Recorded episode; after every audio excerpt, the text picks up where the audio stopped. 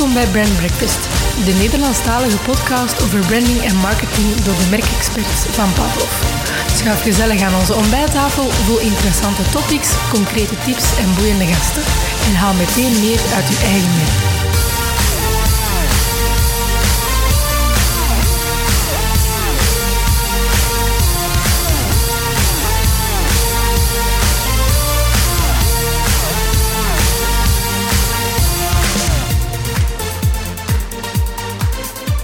Goedemorgen, beste luisteraar. Welkom bij aflevering 47 intussen van de Brand Breakfast podcast. Ik ben in uh, hoog gezelschap van Herman Toch hier tegenover mij. Dag Herman. Goedemorgen.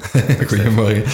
Um, eventjes inleidend voor de mensen die helemaal niet kennen, uh, was in het verleden VP Global Marketing bij Sarah Lee Douwe Egberts, CEO van Synovate Sensidium en samen met Anne uh, co-founder bij, bij Flourish. Flourish is een strategie- en communica communicatie-ecosysteem hier in Antwerpen, gebouwd op twee pijlers, purpose en aandacht. Hij is geboeid door alles wat met transformatie te maken heeft en in die, in die hoedanigheid ook spreker en auteur van onder andere Transformeren om te overleven, Happy Profit en Positive Sum Game. En het is over dat, uh, dat laatste boek, die Positive Sum Game, dat ik Herman zag spreken en ik dacht, daar moet ik meer over weten. Met hem moet ik meer babbelen. Dus laten we dat uh, doen als dat oké is voor jou, Herman.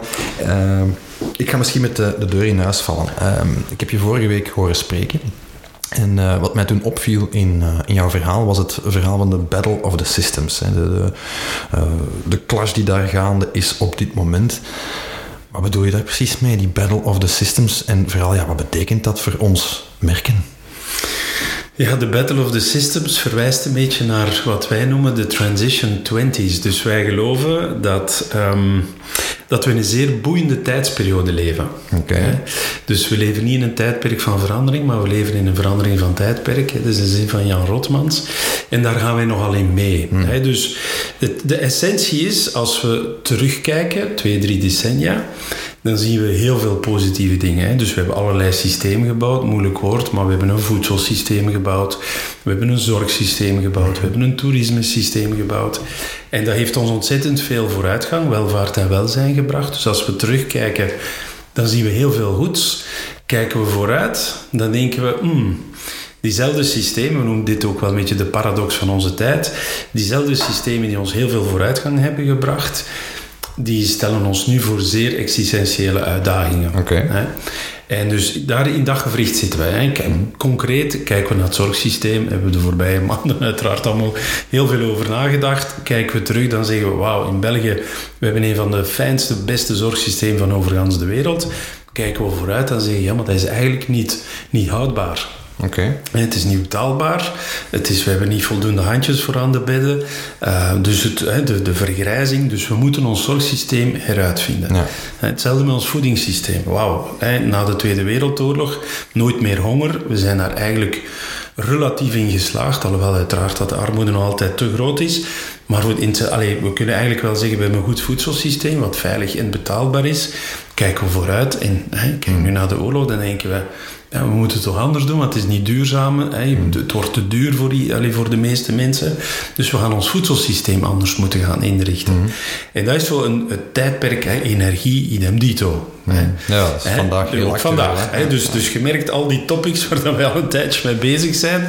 Kijken vandaag en zeggen van, wauw, we moeten het toch wel anders gaan doen. Mm. Maar niet iedereen is het daar uiteraard mee eens. En niet iedereen kijkt naar de toekomst en zegt van, ah ja, we hebben eenzelfde beeld hoe dat we het moeten veranderen. Hmm. En wij maken daar een onderscheid in keep the system, systeem innovatie en verandering van systeem. Okay. Dus je hebt mensen die zeggen, we moeten het kind niet met badwater weggooien. We moeten dat misschien een beetje fixen, maar laten we toch maar keep the system houden zoals het vandaag is. Ik durf mezelf soms tot die groep rekenen. Ik denk dat er soms wel wat snel wordt geswitcht. Ja, maar bon, ja. ja, we staan aan het begin van de podcast. Hè. Binnen 40 minuten ben je helemaal over. Helemaal ingepakt. Hè, maar dus, uh, dus je hebt mensen die zeggen, ja, maar ik sta voor keep the system. Ja. Hè. Als je het macro-economisch bekijkt, kapitalisme, veel mensen zeggen, ja, maar eigenlijk is, dat, is het kapitalisme het beste systeem wat we tot nu toe gehad hebben. We moeten dat een beetje fixen, hè, maar het is het beste systeem. Dat keep the system. En dan heb je systeeminnovatie. En dat zijn mensen die zeggen, ja, we moeten dat systeem bijsturen. We moeten het systeem innoveren. En macro-economisch zijn al die boeken, al die sprekers die spreken over duurzaam kapitalisme, inclusief kapitalisme. Dus het rijmt nog altijd op kapitalisme, maar we zetten er iets voor om te zeggen, we moeten het fundamenteel bijsturen. Ja. En dan heb je mensen die zeggen, nee, we moeten naar een totaal ander systeem. Tabula rasa, als het ware. Tabula rasa, macro-economisch, eh, hebben we het dan over de donut-economie of de economy of the common good. Die zegt, hè, dus groei, keep the system is, nee, nee, BNP moet blijven groeien. Hè, systeeminnovatie is, nee, nee, we moeten duurzaam groeien, we moeten groen groeien. Hè, verandering van systeem zegt, nee, nee, we moeten naar degrowth hè, of postgrowth. Hè. En dus daar zitten we vandaag in. Hè. En, en kijk naar de pers. Hè, dan, dan zal er iemand zeggen, nee, nee, als we moeten blijven groeien, want als we niet blijven groeien, dan is ons sociaal zekerheidssysteem niet betaalbaar. Iemand anders gaat zeggen, ja, maar we moeten CO2 en groei, we moeten dat ontkoppelen. Hè, we moeten duurzaam groeien en we kunnen dat ook wel.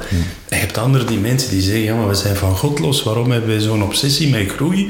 En we moeten dat net niet doen, want en zo verder. En dus die battle of the systems, is, daar zitten we vandaag helemaal in. We worden er allemaal in meegezogen, hè? Uh, Ja, snilles, hè? Ja, hè, ehm, de- soms zeggen we met een soort boetade, hè, als jij de transitie niet vindt, vindt de transitie jou wel. Hè. Uiteraard, Ja. Hè, dus wij denken ook, hè, voor, hè, want uiteindelijk maken we dit nu, dit gesprek voor marketeers of voor CEO's, hè, maar je, wordt erin mee, als bedrijf word je erin meegesleurd. Je kunt niet anders. hè. Nu, dat geloven wij. Hè. Ik bedoel, je hebt ook mensen die, die daar niet in meegaan. Maar dus in die transitieperiode, daar zitten we nu echt heel, allee, stilaan helemaal in. En dat duurt een aantal generaties, uiteraard. Hè. Dat, is, dat is niet op twee of drie jaar. Maar wij geloven dat die transition 20s, hè, dus deze, deze tien jaar zeg maar, tot 2030, wordt een periode waarbij dat we van, van praten naar doen moeten overstappen. hè. We worden verplicht om te doen. hè. De Club van Rome is de jaren 70, bestaat ondertussen al 50 jaar, dus we praten er al 50 jaar over. Maar we komen nu in een situatie waarbij dat we verplicht worden om te doen. Omdat de geschiedenis, de geschiedenis ons dwingt. Ik denk klimaatopwarming, covid, eh, oorlog en dergelijke meer. We kunnen gewoon niet anders mee. We kunnen gewoon nu, nu dit, nu na corona met de oorlog, nu wordt een beetje evidenter. Toen dat we dit twee jaar en een half geleden zijn, dan zie je wel transitie, battle of systems. Hè. Ça va nog. waar, waar heb jij het over? Hè? Maar dit, dit gaat nu niet meer. Hè? Dus, dus, dus wij moeten, wij worden verplicht, vinden wij, om, om als bedrijf, als individu, als merk, daar toch wel een bepaald standpunt eh, in te nemen. Ook al omdat die klant, die consument, die burger, dat toch wel steeds meer van ons Verwacht ook. ja. verwacht om daar iets mee te doen. En dus wij, wij, ja, wij denken dat, dat dus het, het, het openstaan voor dit tijdperk, het openstaan voor deze context die zeer dwingend wordt, eigenlijk voor elke marketeer of bedrijfsleider toch wel heel belangrijk wordt. Mij lijkt dan, maar ik kan me natuurlijk vergissen, de, de eenvoudigste stap om dat waar te maken als ondernemingen, of als merken, is van ja, ga gewoon purpose-driven ondernemen, wat die purpose ook mag zijn. En, eh, of zie ik dat te eenvoudig? Ja, weet je, eh, dat is te eenvoudig, denk ik. Dat is hoe dat ik het graag zou hebben, uiteraard. Hè? Want wij zijn met purpose bezig. het, ja, wij ook op maar het is, het, is, het is te eenvoudig in die zin. Als je kijkt naar Keep the System en, en je hebt eh, Keep the System, neem het makkelijkheidshalve shareholder value maximalisatie. Mm. Je hebt nog altijd heel veel bedrijven die ehm, geënt zijn op het model van shareholder value. Mm. Eh, het is zelfs zo, nog altijd de wetgever, bijvoorbeeld in Amerika, verplicht de wetgever een CEO om maximale shareholder value te doen. Ja. Als je dat niet doet, dan kan een aandeelhouder hè, jou als CEO voor, het, eh, zeg maar voor de rechtbank dagen en zeggen van je hebt mijn belangen niet goed verdedigd, want je bent niet voor maximale shareholder value gegaan. Dus Exact, ook juridisch is dat nog allemaal ingebed. Dus los van een overtuiging hebben we ook ja, het systeem, hè, het juridisch systeem, het fiscale systeem, het geloofssysteem, dat zegt wij, wij moeten daarin verder. Dus je hebt nog altijd heel veel mensen die, die in het trickle-down effect geloven, die, allee, die zeggen van we moeten, allee, we moeten daar toch bij blijven. Dus, dus dat is denk ik één, geen verworvenheid en dat hoeft ook zo niet te zijn. Hè. De Nederlanders noemen dat schuren doet glanzen. Wij denken ook dat het heel belangrijk is dat het schuurt. Eh, wat wij wel denken en van overtuigd zijn, is dat het als bedrijf, als merk, verstandig is om te anticiperen op wat er nu gebeurt. Maar dat is geen wetmatigheid. Hè. Dat, is een, dat, dat, is, dat komt uit een beeld op de komende jaren. En dat is wat wij onze klanten ook wel adviseren, anticipeer. Ja, in, in, jullie laatste boek spreek je ook over die balans tussen profit en, en non-profit. We hebben allemaal een klassiek idee van wat profit is. Hè. Dat zijn dan, weet ik veel wat, big oil, die inderdaad alleen maar voor die winstmaximalisatie gaan aan de ene kant. En je hebt dan ja, de non-profit, wat dan zo aan de VZ2's zijn. Jullie zien dat anders, hè? Jullie zien dat, dat jullie, ik heb dat jullie een andere invulling geven aan die terminologie ook. Ja, wij geven daar, allez, wij gaan uit van meervoudige waardecreatie ook. Dus, dus je hebt verschillende soorten profit hmm. of verschillende soorten waardecreatie. En dat trachten we altijd in kaart te brengen. Hmm. Hè? Dus, dus, dus wij gaan met onze klanten op zoek welke waarde creëren wij voor wie. Hmm. Hè? Nu, wat voor ons altijd heel belangrijk is, wij noemen dat hè, middeldoel-effect, hè? means to end. Wij hebben daar effect aan toegevoegd. Hè? Wat is voor jou, wat zijn jullie means voor welk einddoel en welk effect levert dat op. hè? En dus dit is vaak een provocerende oefening die wij doen met een raad van bestuur of een managementteam.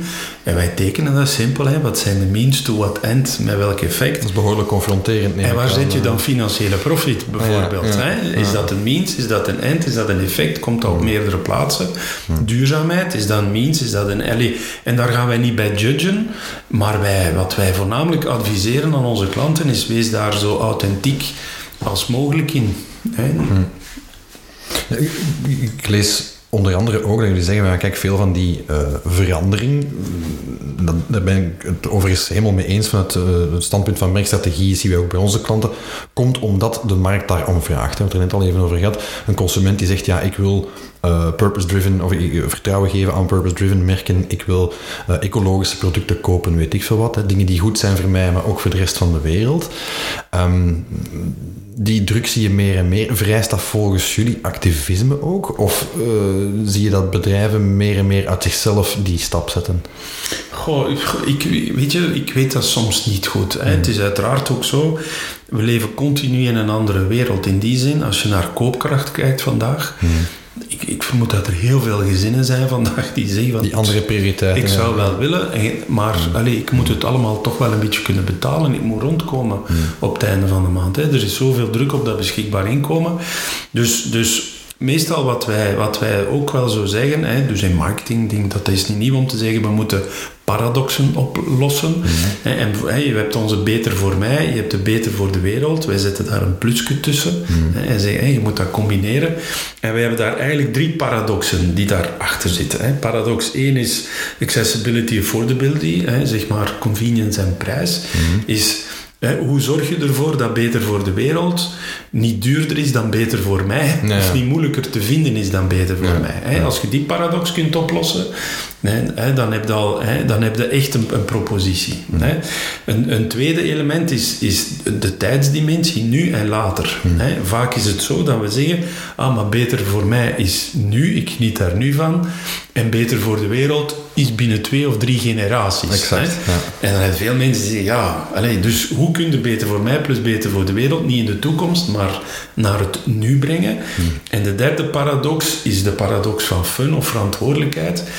Veel merken of bedrijven die bezig zijn met, met een betere wereld, die steken dat in vanuit een soort verantwoordelijkheidsgevoel. Mm. Hè. Je voelt het gewicht op je schouders. Ja, misschien zelfs een stukje moraliteit. Ook ja, precies. En wij zeggen, ja, ja, hij zegt, doet dat anders. Hè. Als je mm. bijvoorbeeld kijkt naar Tony Chocoloni, ja, voilà. zo'n voorbeeld, die verpakking is kleurrijk, hmm. happy. Allee, ik bedoel, dat is geen verpakking waar dat er zeven uitroeptekens op staan tegen slavenvrije chocola. Exact.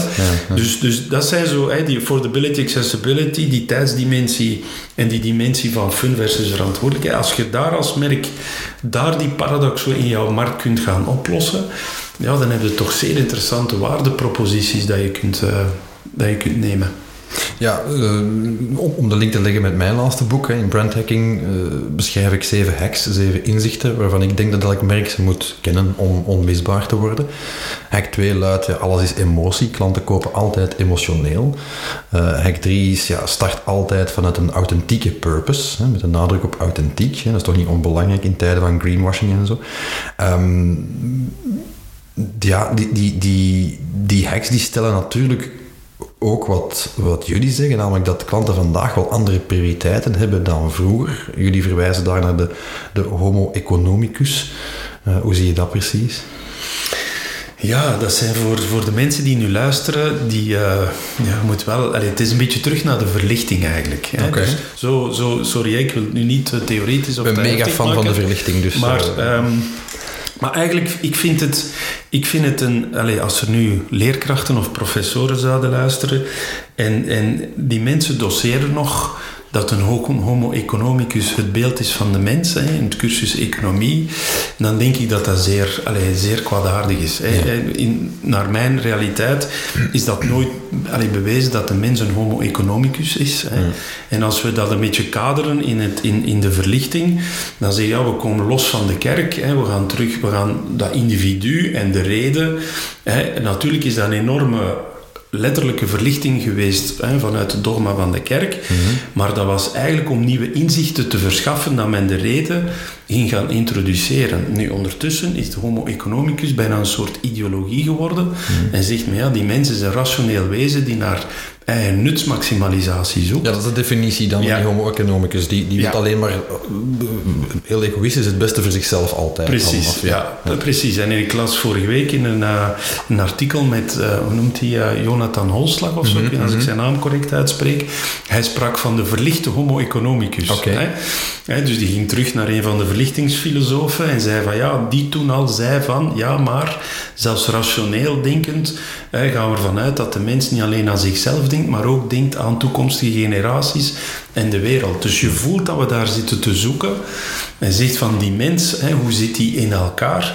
En wij bij Flourish hè, we gaan een beetje uit van de positieve psychologie en het floreren van mensen. Mm. Hè, waarbij dat, vandaar ook die beter voor mij plus beter voor de wereld. Hè, waar dat je de, de, zeg maar het hedonistische van de mens hebt. Maar daarnaast ook het uh, eudemonische, iets doen voor iemand anders. Mm. Hè. Dus wanneer floreert iemand, is als je de combinatie van beide hebt. Het is natuurlijk makkelijker gezegd dan gedaan. Als ik even advocaat van de duivel mag spelen, ik kan me inbeelden dat voor veel bedrijven, de doelgroep hier even indachtig, uh, heel moeilijk is om uit te vogelen wat dat dan betekent. Iets bieden dat en goed is voor de klant, bij wijze van spreken, en goed is voor uh, zichzelf dan als bedrijf, maar ook voor de, de wereld. Allee, los van de, de klassieke initiatieven die we kennen, uh, dat gaat voor mij dan nog een stap verder, zelfs dan, dan echte brand purpose, of zie ik dat verkeerd? Ja, het is, dan komen we terug bijna bij die transitie. Ja, bij dat systeem. Uh, bij die systeemverandering. Hè? Dus, dus wat wij zeggen is van, voor welk systeem wil jij gaan? Hè? Voor welk systeem zet jij jou in als bedrijf? Als jij multinational bent vandaag, ik, ik, dus mijn inschatting bijvoorbeeld van Unilever en een Paul Polman, uh, en met een Sustainable Living Program, een Unilever kan niet voor verandering van systeem gaan. Hè. Een Unilever met zijn aandelen en zijn eigenaarsstructuur en zijn notering op de beurs zit in het beste geval in een soort systeeminnovatie waar zij van het voedselsysteem kunnen gaan. En, en daar hebben zij ook, dus hun purpose reikt eigenlijk tot op dat niveau, met al zijn voor- en zijn nadelen. Maar ik ben ook daarin nog nooit een opdracht tegengekomen met een klant of zo, waarbij dat ik moet zeggen, ja, maar eigenlijk dat, dat componentje beter voor de wereld, ik, ik vind het niet of zo. Oké. Okay. Hm. Uh, Want ik denk dat dat, is opnieuw is, dat, is dat niet de realiteit bij velen, of denken ze gewoon niet verder dan, dan dat? Maar ik denk het verhaal dat je beschrijft van Unilever bijvoorbeeld, dat dat voor heel veel merken geldt, of ze denken misschien dat dat voor hen allemaal geldt. Ja, ik, ik denk dat... dat allez, wij, zijn, wij doen nu werk voor een, een schoenenketen in, in Nederland. En daar, allez, schoenen op zich is natuurlijk niet het meest duurzame product. Hè. Maar daar zijn we voor een, een propositie gegaan. Blije voeten, blije mensen, blije buurten. Hmm. Hè. Dus die, die, dat is een keten. Die hebben ongeveer 50 winkels. En we hebben gezegd, onze bijdrage die zij kunnen leveren, is zich engageren voor die buurten en blije buurten. Juist. En dus vanuit elke winkel worden nu initiatieven opgestart die in de nabijheid van de buurt van die winkel dan zeggen van hoe kunnen wij mensen blij maken. Iemand in armoede, iemand zijn huis is afgebrand, whatever. Allee, om even wat het is. Maar je, je, je zet je wel in en je levert dat stukje bijdrage mm. aan een blije buurt op dat moment. Dus in elk van onze projecten vinden wij wel die component. En dan is het aan de eigenaar, de directeur, de marketingdirecteur, om dit relatief een plaats te geven. Weet je? Ja, maar moeten ze wel, wat ik wil zeggen is, dan moeten ze wel durven natuurlijk. Hè. Want gaat er veel zich van afmaken. Maar ja, goh, dat gaat gewoon niet. Wij doen schoenen. Wat zouden wij bezig zijn met armoede? Maar ik denk dat dat, is dat, is dat niet vooral durf dat er dan nodig ja, is? Of, of? Weet je, ja, ja, waarschijnlijk wel. Nu, waarschijnlijk ook de mensen die bij ons komen en op ons beroep doen, die zitten waarschijnlijk al een stukje in, In dat denken, In, dat denken hè. Maar wat wij bijvoorbeeld gezien hebben, is dus hè, de propositie blije voeten, blije mensen, blije buurten. Mhm. Ehm, het was een beetje te lang om ook als payoff te gebruiken. En er was wat twijfel, ja, blije buurten. Hoe relevant is dit? Hè? Dus, dus we hebben voor de payoff gekozen, blije voeten, blije mensen. En de blije buurt is er naar buiten toe voorlopig afgevallen. Maar het interessante was, toen we dit presenteerden aan de eigen mensen van de winkels, maar ook aan de banken bijvoorbeeld, hè, dan was dat de component Die het meeste... waar het meest tractie op zat. Hè, waardoor dat de familie ook dacht van oei, misschien hebben we het een beetje onderschat. Hoe, hoe dat die component toch emotie en betrokkenheid creëert en goesting creëert van al die winkeliers om te zeggen, ja, maar dat vind ik nu wel fijn, want ik wil daar wel aan meedoen.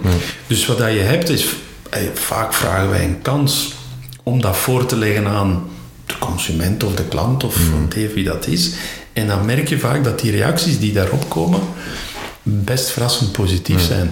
Omdat mensen ook wel in die flow zitten. Ja, en die klik ergens maken. Ja. Ga ik dan schoenen kopen van 140 euro in plaats van 80 euro, omdat er blije buurt op? Uiteraard niet. Hè? En dan komen we beter met het, bij, terug bij het oplossen van die paradox tussen hè, beter voor mij plus beter voor de wereld. Alright, makes sense. Eh, wat nu als je gewoon als merk zegt, ik wil gewoon een, een, een goed kwalitatief product aan een eerlijke prijs maken, kan dat nog? Uiteraard. Ja? Ja, maar ik vind dat wel. Dus ik, vind, ik vind dat wel. Ik vind, alleen nogmaals, wij, wij trachten daar ook niet in te judgen. Kijk, als iemand zegt, eh, kijk, wij, wij, onze visie op het kapitalisme, onze visie op de wereld, onze visie op een merk is, wij moeten een product maken wat goed is en, en veilig is en dat verkoopt. En als mensen dat willen, willen kopen, ik denk dat men dat voornamelijk moet blijven doen. Hè, dus dus wat, wat je denk ik ons niet gaat horen zeggen, is dat die merken of die bedrijven te doden zijn opgeschreven. Want dat hoor je wel vaak, Ja, hè? Want maar daar dat is, zeggen wij is geen, niet. geen bestaansreden meer voor. Ja, maar dat, hè? dat zeggen wij niet. Hè. Wij denken alleen dat het meer dan ooit is, be- bedrijven of merken die toch die purpose richting uitgaan, dat die gaan floreren. Ja. Hè. Dat geloven wij wel. Hè, maar wij gaan niet, wij staan niet op de barricades met allerlei verwensingen of profetische woorden van jij zult sterven als jij nu niet purpose-gericht bent. Dat zeggen wij niet, maar wij zeggen wel, Maar je denkt het wel. Nee. ja, weet je, kijk, ik denk, ik, ik denk dat. ehm, we, we zitten in die transitie. Hè, en en, en ik, ik maak me wel sterk. Het is natuurlijk te zien wat je tijdshorizont is. Hè. Maar stel, stel, ik ben een familieonderneming en ik heb nog 1, 2, 3 generaties na mij. En het is ook de bedoeling om orga- allee, ons bedrijf in onze familie te houden. Dan maak ik me sterk dat binnen dit en 10 jaar shareholder value only, puur vanuit de wetgever, niet meer bestaat. We voelen nu al in de rapportering en beursgenoteerde bedrijven die ESG-verplichte rapporteringen hebben. Die wetgever gaat in actie komen. Ja. Die wetgever gaat zeggen, als jij als bedrijf in uw, in uw, in uw manier van, van, van bedrijfsvoeren zoveel ecologische schade hebt of zoveel sociale schade, wij gaan u penaliseren. Ja. Wij gaan dat onmogelijk maken. Ik denk dat dat niet anders kan, Nee? Dus heb je een tijdshorizont van 10 jaar plus, hè, dan, dan denk ik van, ja, als we dat soort horizonten hebben, dan denk ik dat shareholder value only tegen dan niet meer bestaat. Ja, makes sense. Hè. Ja. Ik denk dat we dat ook allemaal aanvoelen, dat de markt daar ook wel om vraagt. Hè. Eh, de situatie van vandaag misschien, Herman. Ehm, veel merken doen al inspanningen, soms eh, oprechte inspanningen vanuit een, een, een, een ja, ik kan niet zeggen activistisch, maar soms echt gewoon, eh, we willen inderdaad meer zijn dan gewoon een aanbieder van. Hè. Dat purpose-driven zit er toch al wel in, denk ik. Ehm, hoe groot is volgens jou de, de, het risico op, dingen als greenwashing, eh, pinkwashing, rainbowwashing, dat soort zaken?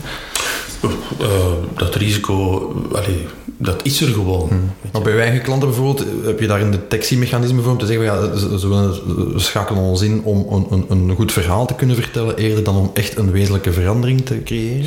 Ja, ik heb, ik heb nog een concreet uh, gesprek gehad in Nederland. Dus, ja, want wij werken eigenlijk iets meer in Nederland dan, dan bij ons in Vlaanderen.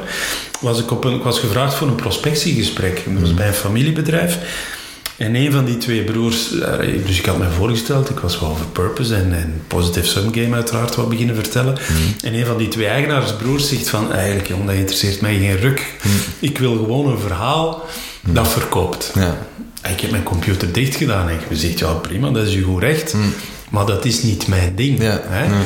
Dus, dus als iemand dat, dat en dat, dat lijkt ook niet tot frictie of zo, is gewoon als dat, u, als dat is wat jij zoekt, dan ben ik niet de juiste persoon, want dan kan ik u zelfs niet goed adviseren. Maar wat wij wel trachten te doen, en dan kom ik weer bij het begin van ons verhaal, wij trachten met die klant wel heel, en dan niet conceptueel, maar dat zo praktisch mogelijk te maken. Sta jij voor systeeminnovatie mm. of voor verandering van systeem? Want wij merken in communicatie, in PR, in social, is dat veel bedrijven gebruiken verandering van systeemtaal, terwijl dat ze eigenlijk een systeeminnovator zijn. Een beetje oude wijn in nieuwe zakken? Of nee, nee men, men meet zich in woordenschat, hmm. woorden aan, hmm. waarvan als, als de klanten of de eigen medewerkers of de leveranciers dan naar de dagelijkse praktijk kijken en zeggen, ja maar Nee, dat zo zit jij niet. Mm. Want, mm. want hè, jij, in je aankooppolitiek doe jij dit nog. Of als we twee slechte kwartalen hebben, dan is het niet zo dat Planet First is. Weet je wel? Dus die, die, die taal, hè, dus het, de beloftes, de taal, de, het narratief dat je als bedrijf gebruikt, is een zeer belangrijk onderscheid. Hè, van zit jij in dat systeem innoverend denken of zit jij in verandering van systeem te denken? vaak ook uh, derde actiegroepen die gaan daar net op dat taalgebruik op reageren. Tuurlijk, ja. Dus dat, dat is wat wij altijd trachten tijd voor te pakken. En gelukkig gaan de meeste van onze klanten daarin mee. Om goed te voelen waar staan jullie in, dat, in die wereld vandaag. En dan gaan we ons narratief daarop gaan enten. Dat dat juist zit. Zoals het hoort eigenlijk, de juiste volgorde eigenlijk. Ja, hè? ja. maar het is een beetje, weet je, het, het is soms een beetje... Ehm, wij, wat wij merken is als wij het onderscheid tussen systeeminnovatie en verandering van systeem uitleggen, dat dat voor veel mensen een nieuw inzicht is. Hmm. Hè? En dat die nuance tussen die twee, dat mensen dat niet kennen. Hè? Um, dat is ook zo'n beetje, allez, als je het over woorden, hè, zo het verschil tussen een changemaker en een trailblazer. Hmm. Hè? Hmm. Ziet daar een verschil? Bijvoorbeeld, wij gaan zeggen, hè, changemakers is iets wat typisch past bij systeeminnovatie. Hmm. Hè?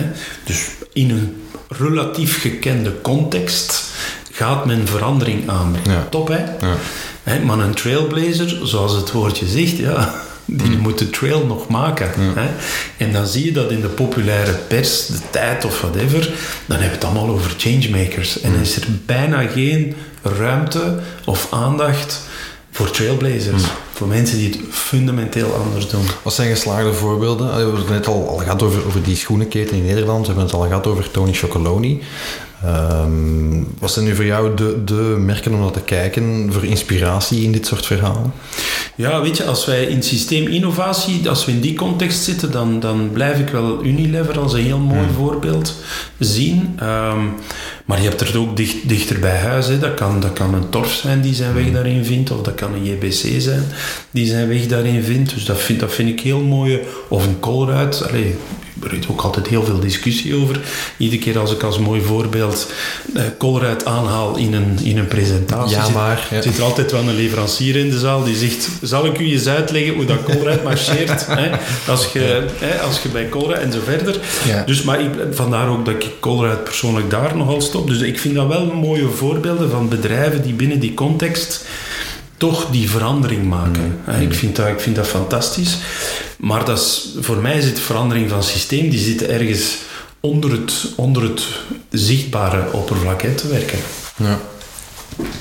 Uh, hoe vinden organisaties een onderbouwde plaats eigenlijk in die, uh, in die positive sum reality? Welk proces moeten ze doorlopen? En ik neem aan, we hebben nu het gaat over dat systeem, uh, die, die battle of the systems en zo. Goed, ik denk dat dat enige kennis en, en guidance vereist van jullie.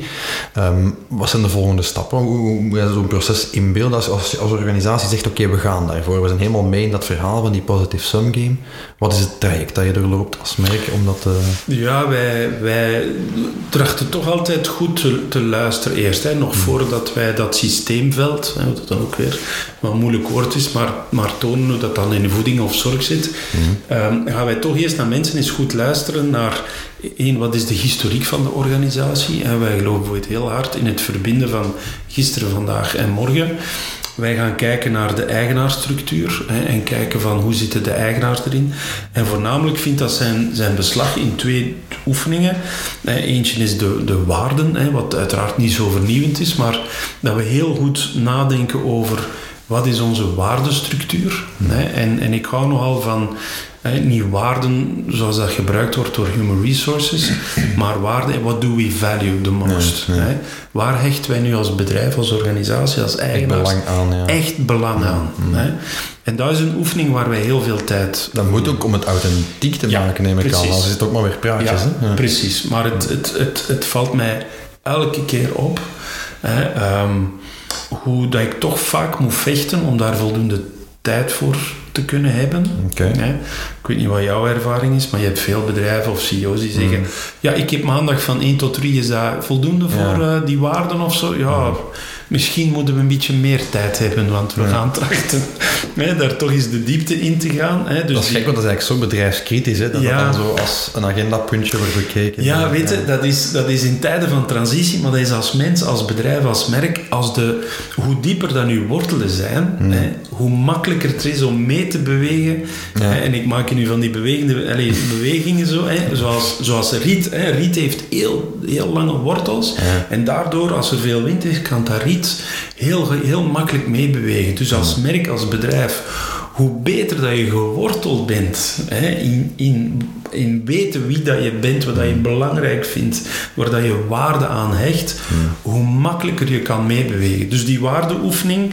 En de tweede oefening is die hè, middelen, middelen doen effect. Als we dat gedaan hebben, dan zijn we al een heel eind. Alright. Ik um, ben, uh, ben helemaal fan van jullie uh, purpose tip eigenlijk om een standpunt in te nemen als merk. Ik denk dat het ook moet als purpose. Ehm, ik zeg altijd uh, nogal bruut tegen klanten, wie alles wil zijn voor iedereen is niets voor niemand. En uh, het laatste jaar uh, voer ik een kwestie met de, de uitspraak consensus is de vijand van elk sterk merk. Om terug te komen op van ja, we krijgen twee uurtjes om het eens over waarden te hebben bij bedrijven. Ehm, wat wij wel merken bij klanten is dat er heel vaak een consensus gezocht wordt om alle agenda's te dienen en dat je eindigt met een soort van brave middle-of-the-road uh, oplossing of eindverhaal. Als je dan dat merkverhaal kijkt, dan zie je, daar zit van alles en nog wat in. Maar eigenlijk is dat... In mijn hoofd, maar ik ben een heel erg zwart-wit denker, dat heb je misschien al gemerkt, maar eh, in mijn hoofd is het het een of het ander. Ofwel maak je een keuze, bijvoorbeeld voor een systeem, voor een purpose en zo verder. Dan ga je daar ook radicaal in tussen aanhalingstekens. Ja, ofwel niet. Ik, mij stoort zo wat dat middle of the road, dat veilige willen opzoeken. Hoe ervaren jullie dat? Ja, wij, wij, onze, een van onze favoriete zinnen is kiezen is winnen. Ja. Tegen alle clichés in. Tegen alle clichés in. Dat is mooi, dus ja. ja. Wij kiezen is winnen. Dat ze, en zeker in tijden van transitie, daar geloven wij heel hard in. Um, nu, ik, in, in, kiezen, daarom voelt dat voor ons ook niet beperkend aan. Mm. Weet wel? Is als jij heel duidelijk naar binnen gaat, ook als merk, als bedrijf, en je zegt, waar sta ik nu voor? Dan worden bepaalde keuzes eigenlijk nogal heel evident. Mm. Maar als wij zo'n waardeoefening doen, ook dat is iets wat mij vaak verbaast. Hè. Dan, dan zegt het bedrijf, ah ja, ja, ja, dat zijn onze vier waarden. Bijvoorbeeld, of onze vijf waarden. Zeg ik, ah, fantastisch. En wat is nu, als je er nu eentje moet uitkiezen, ja, eentje. Als je nu echt zegt, wat, moeilijk, hè? wat is nu wat dat jij, wat dat jou als merk, als bedrijf, als mens, als je nu echt moet zeggen, dat typeert me nu, daar hecht ik nu het meest waarde aan. Mm, ja, dat is, dat is heel moeilijk. Dat is heel moeilijk. En ik merk telkens, en als ik dan zeg, uh, Volvo staat voor veiligheid. Mhm. Zo, allee, hè, Douwe Egbert staat voor gezelligheid. Mhm. eigenlijk is het vaak, vind ik nog altijd niet, maar je moet dat durven durven echt kiezen en zeggen van dat is nu, en die andere waarden spelen ook een rol, dat maken we, maar hoe duidelijker dat je hebt en dan zeggen we, ah, we hebben nu een waarde gekozen, en dat is nu onze bril, hoe wij naar die transitie kijken. Als wij nu voor waarde X, Y of Z staan, we gaan ons nu in het transitieveld plaatsen, keep the system, systeem, innovatie, verandering van systeem, in zorg, voeding, toerisme, whatever, wat zien wij dan? Wat, wat is dan ons uniek perspectief? Wat wij in die transitie zien. Los van purpose is dat ook gewoon goede marketing, denk ik dan. Allee, eh, ik ben daar heel erg aanhanger van Siegel en Gale, die zeggen een goed merk is een simpel merk. Ja. Die zelfs een jaarlijkse Brand Simplicity Index hebben. Ja, dat, is, dat is niet meer dan dat. Dat is, ja, kies, maak een, een keuze, ga daar dan ook voor, investeer er dan ook in. Zorg dat de kern is van uw DNA, uw wortels van uw riet eigenlijk. Ja. En vertrek van daaruit om uw vragen te beantwoorden. Maar nee, ja, ik denk, ja, dat is ook zo, Stef, maar we zijn gro wel groot geworden met, weet je nog, het ST, allee, on- mijn generatie, met het STP-model, Segmenting, Targeting, Positioning. Oei, dat zegt mij zelfs niks, Hè? vrees ik. Ehm, ja, dat is echt van de oude stempel. Hè? Maar, maar wat doen wij? We maken marktsegmentaties. We maken, hè, nog altijd segmentaties. Veel mensen maken nog altijd segmentaties. Of we doen het meer data gedreven, gaan we naar die markt kijken. En we zoeken nog altijd dat gat in de markt. Hè? En wij zeggen, ja, misschien moeten we ook eens een gat in de maatschappij proberen te vinden. Hè? En die Mooi. combinaties maken vanuit uw waarden.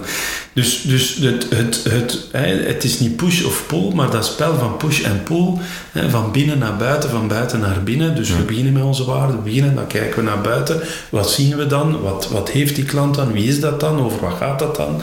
Brengen we terug naar binnen. Maar dat is wel een beetje een, een soort iteratief dansen dat je doet met binnen en buiten.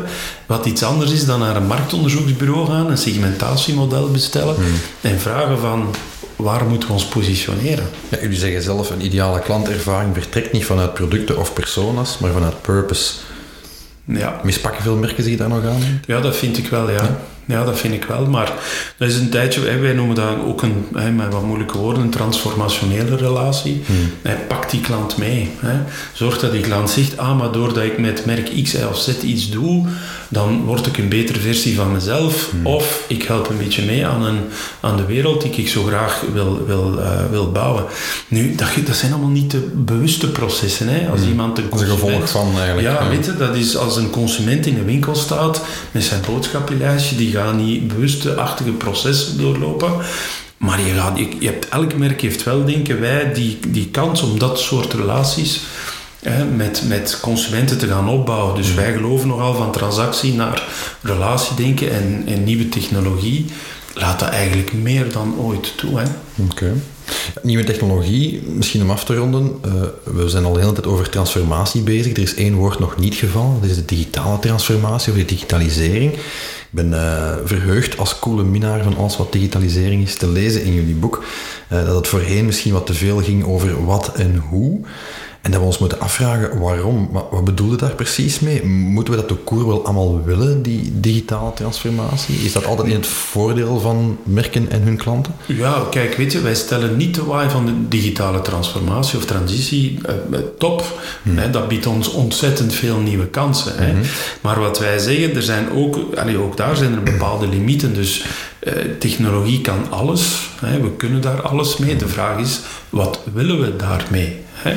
Eh, als, we, als we in de zorg kijken hè, en we gaan het, het, het medisch-mechanistisch model op de mens, hè, we komen terug bij de verlichting, hè, wat hè, een ideologie geworden is, hè, dat, dat eh, mechanistisch model op de mens. Als we daarin technologie loslaten, dan komen we in de Homo Deus-wereld van Harari terecht, hè, waar AI's gaan eh, beslissen wat, hè, ehm, wat, wat onze gezondheid is en hoe dat we daarmee omgaan. En, en eh, verliezen we het onbekende, holistische, mystieke van de mens uit het oog. Dus wat wij zeggen is, eh, wij omarmen alle mogelijke technologie, ehm, maar die waarom van technologie, is een filosofische vraag uiteraard, is geen onbelangrijke vraag. Als wij met mensen in de zorg werken, dan praten we daar ook over, weet je wel. Hoe kijken jullie naar, wat is jullie mensbeeld? En hoe kijken jullie naar technologie? En waar zitten de, de ethische kaders voor jullie? Ja, maar als we het over bijvoorbeeld de Trailblazer-toestanden hebben, ja, nu is er natuurlijk veel te doen rond de metaverse. Ik hoorde daar eergisteren Stefan Bellegem nog, eh, nog uitgebreid over vertellen op een congres. Ehm, ja, dat is natuurlijk helemaal een nieuw systeem. Hè? Dat is een nieuwe realiteit zelfs. Ja, maar dat is, dat is een, nieuw, een, nieuwe, een nieuwe realiteit. De vraag is, uh, deep down, hebben we het dan over een ander mens of wereldbeeld of niet? Mhm. hè? En als, dat, als de metaverse een... een het is eigenlijk de second life, hè, tweede, ja. tweede poging. Hè. Als dat een ruimte is waar mensen ehm, gewoon verblijven en, en allerlei, weet ik veel, leuke dingen doen, dan vind ik dat geen fundamenteel nieuw systeem als het Nee. over voeding of zorg of toerisme gaat. Hè. Als we daar morgen een nieuw mensbeeld aan koppelen, hè, als we zeggen van ja, we gaan daar op een bepaald moment onze gezondheid aan beginnen koppelen, dan heb je wel een fundamenteel ander. Hè. Dus ik weet niet wat dat Steven gezegd heeft over de metaverse. Dat zal onze wereld beïnvloeden. Ja. Hè. Eh, de vraag is, gaat dat Ja, op- biedt eh, natuurlijk, allee, dat, is, dat, dat is wat de, de vooruitgangsdenkers daar dan over zeggen, is ja, het biedt mogelijkheden. Hè. Je hoeft niet meer op een vliegtuig te stappen om iemand te ontmoeten aan de andere kant van de wereld. Eh, het is het allemaal natuurlijker aanvoelen. En bij mij duiken dan de doembeelden op van binnenkort zitten we allemaal in onze zetel, heel ons leven in een pod te beleven, in een realiteit Ja. die een virtuele realiteit is. Ja. Ehm, Ja, we hebben eh, eind juni, kom, ik heb met drie andere mensen eh, een boek geschreven over toerisme in transitie. juist. En, en dat komt eh, eind juni eh, wordt dat, komt dat uit. Eh, En een verandering van systemen. Hè. We hebben daar vier mogelijkheden die wij vandaag reeds zien. Hè, ehm, dat is regeneratief reizen. Dat is echt helemaal op, op die shared travel vanuit die deeleconomie. Eentje gaat er over een fair basket, hè, van een puntensysteem, wat gekoppeld, een beetje zoals het social reward systeem in China. En eentje is virtueel reizen. Ja. Hè, waarbij dan we zeggen, ja, maar we gaan ons niet meer verplaatsen en we gaan ergens in een cocoon gaan zitten. Of er zijn voorbeelden waarbij dat je bijvoorbeeld, er staat een robot ergens in Sydney hè, en je kan ehm, van op afstand kan je zeg maar in de robot kruipen en kan je wandelen in Sydney door, door de ogen van de robot. Dus ja, willen we dat, willen we dat niet? I don't know. Maar laat, laat het maar schuren, Stef. Laat het maar schuren. Dat lijkt mij ehm, allee, het meest fijne. Super. Ja, ik zou zeggen, on that note. Inderdaad, ja, want schuren doet glanzen, zoals we dat zo mooi zeggen. Eh Herman, ontzettend bedankt. Ik heb het gevoel dat we hier nog, eh, ja, nog eh, de rest van de dag zouden kunnen bouwen. Hè. Ik vind dat heerlijk om eens de filosofische kant daar ook wat van te, te belichten. Ik kan ook iedereen warm aanbevelen van de Positive Sum Game. Beter voor mij plus beter voor de wereld. Voor merken, bedrijven, organisaties en mensen. Dat is de hele subtitel van eh, Herman en zijn wederhelft Anne Maas eh, te lezen. Uitgegeven bij, eh, bij Pelkmans, u vast niet onbekend. ook uitgever van mijn boek trouwens. Eh, maar dit geldt terzijde. Herman, ontzettend bedankt voor je tijd, voor je inzichten. Ik vind dat eh, ontzettend boeiend. Ik hoop eh, dat onze luisteraars er ook door geïnspireerd zijn geworden. Mocht u nog vragen, opmerkingen hebben over deze aflevering of andere afleveringen, laat het ons zeker weten. Herman, jij bent ook te bereiken via het wereldwijde web, neem ik aan. Via het eh. wereldwijde web, LinkedIn eh, en nog liever via een kopje koffie in Namenstraat 17 in Antwerpen. Kijk eens werkt, dan werkt het gewoon best. Je Dat is een, binnen en eh, we drinken samen. Een warme uitnodiging van de vrienden bij Flourish. Ehm, voilà, en ik zou zeggen, mocht je dat nog niet gedaan hebben, vergeet u ook zeker niet te abonneren op deze reeks voor meer branding content. Alvast bedankt voor het luisteren en graag tot de volgende keer.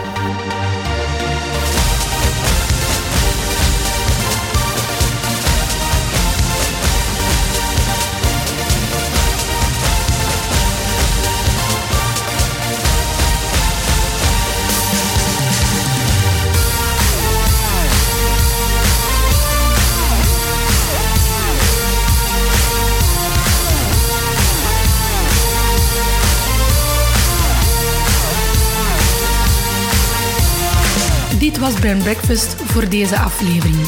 Vergeet ons niet te liken of u te abonneren via uw favoriete app.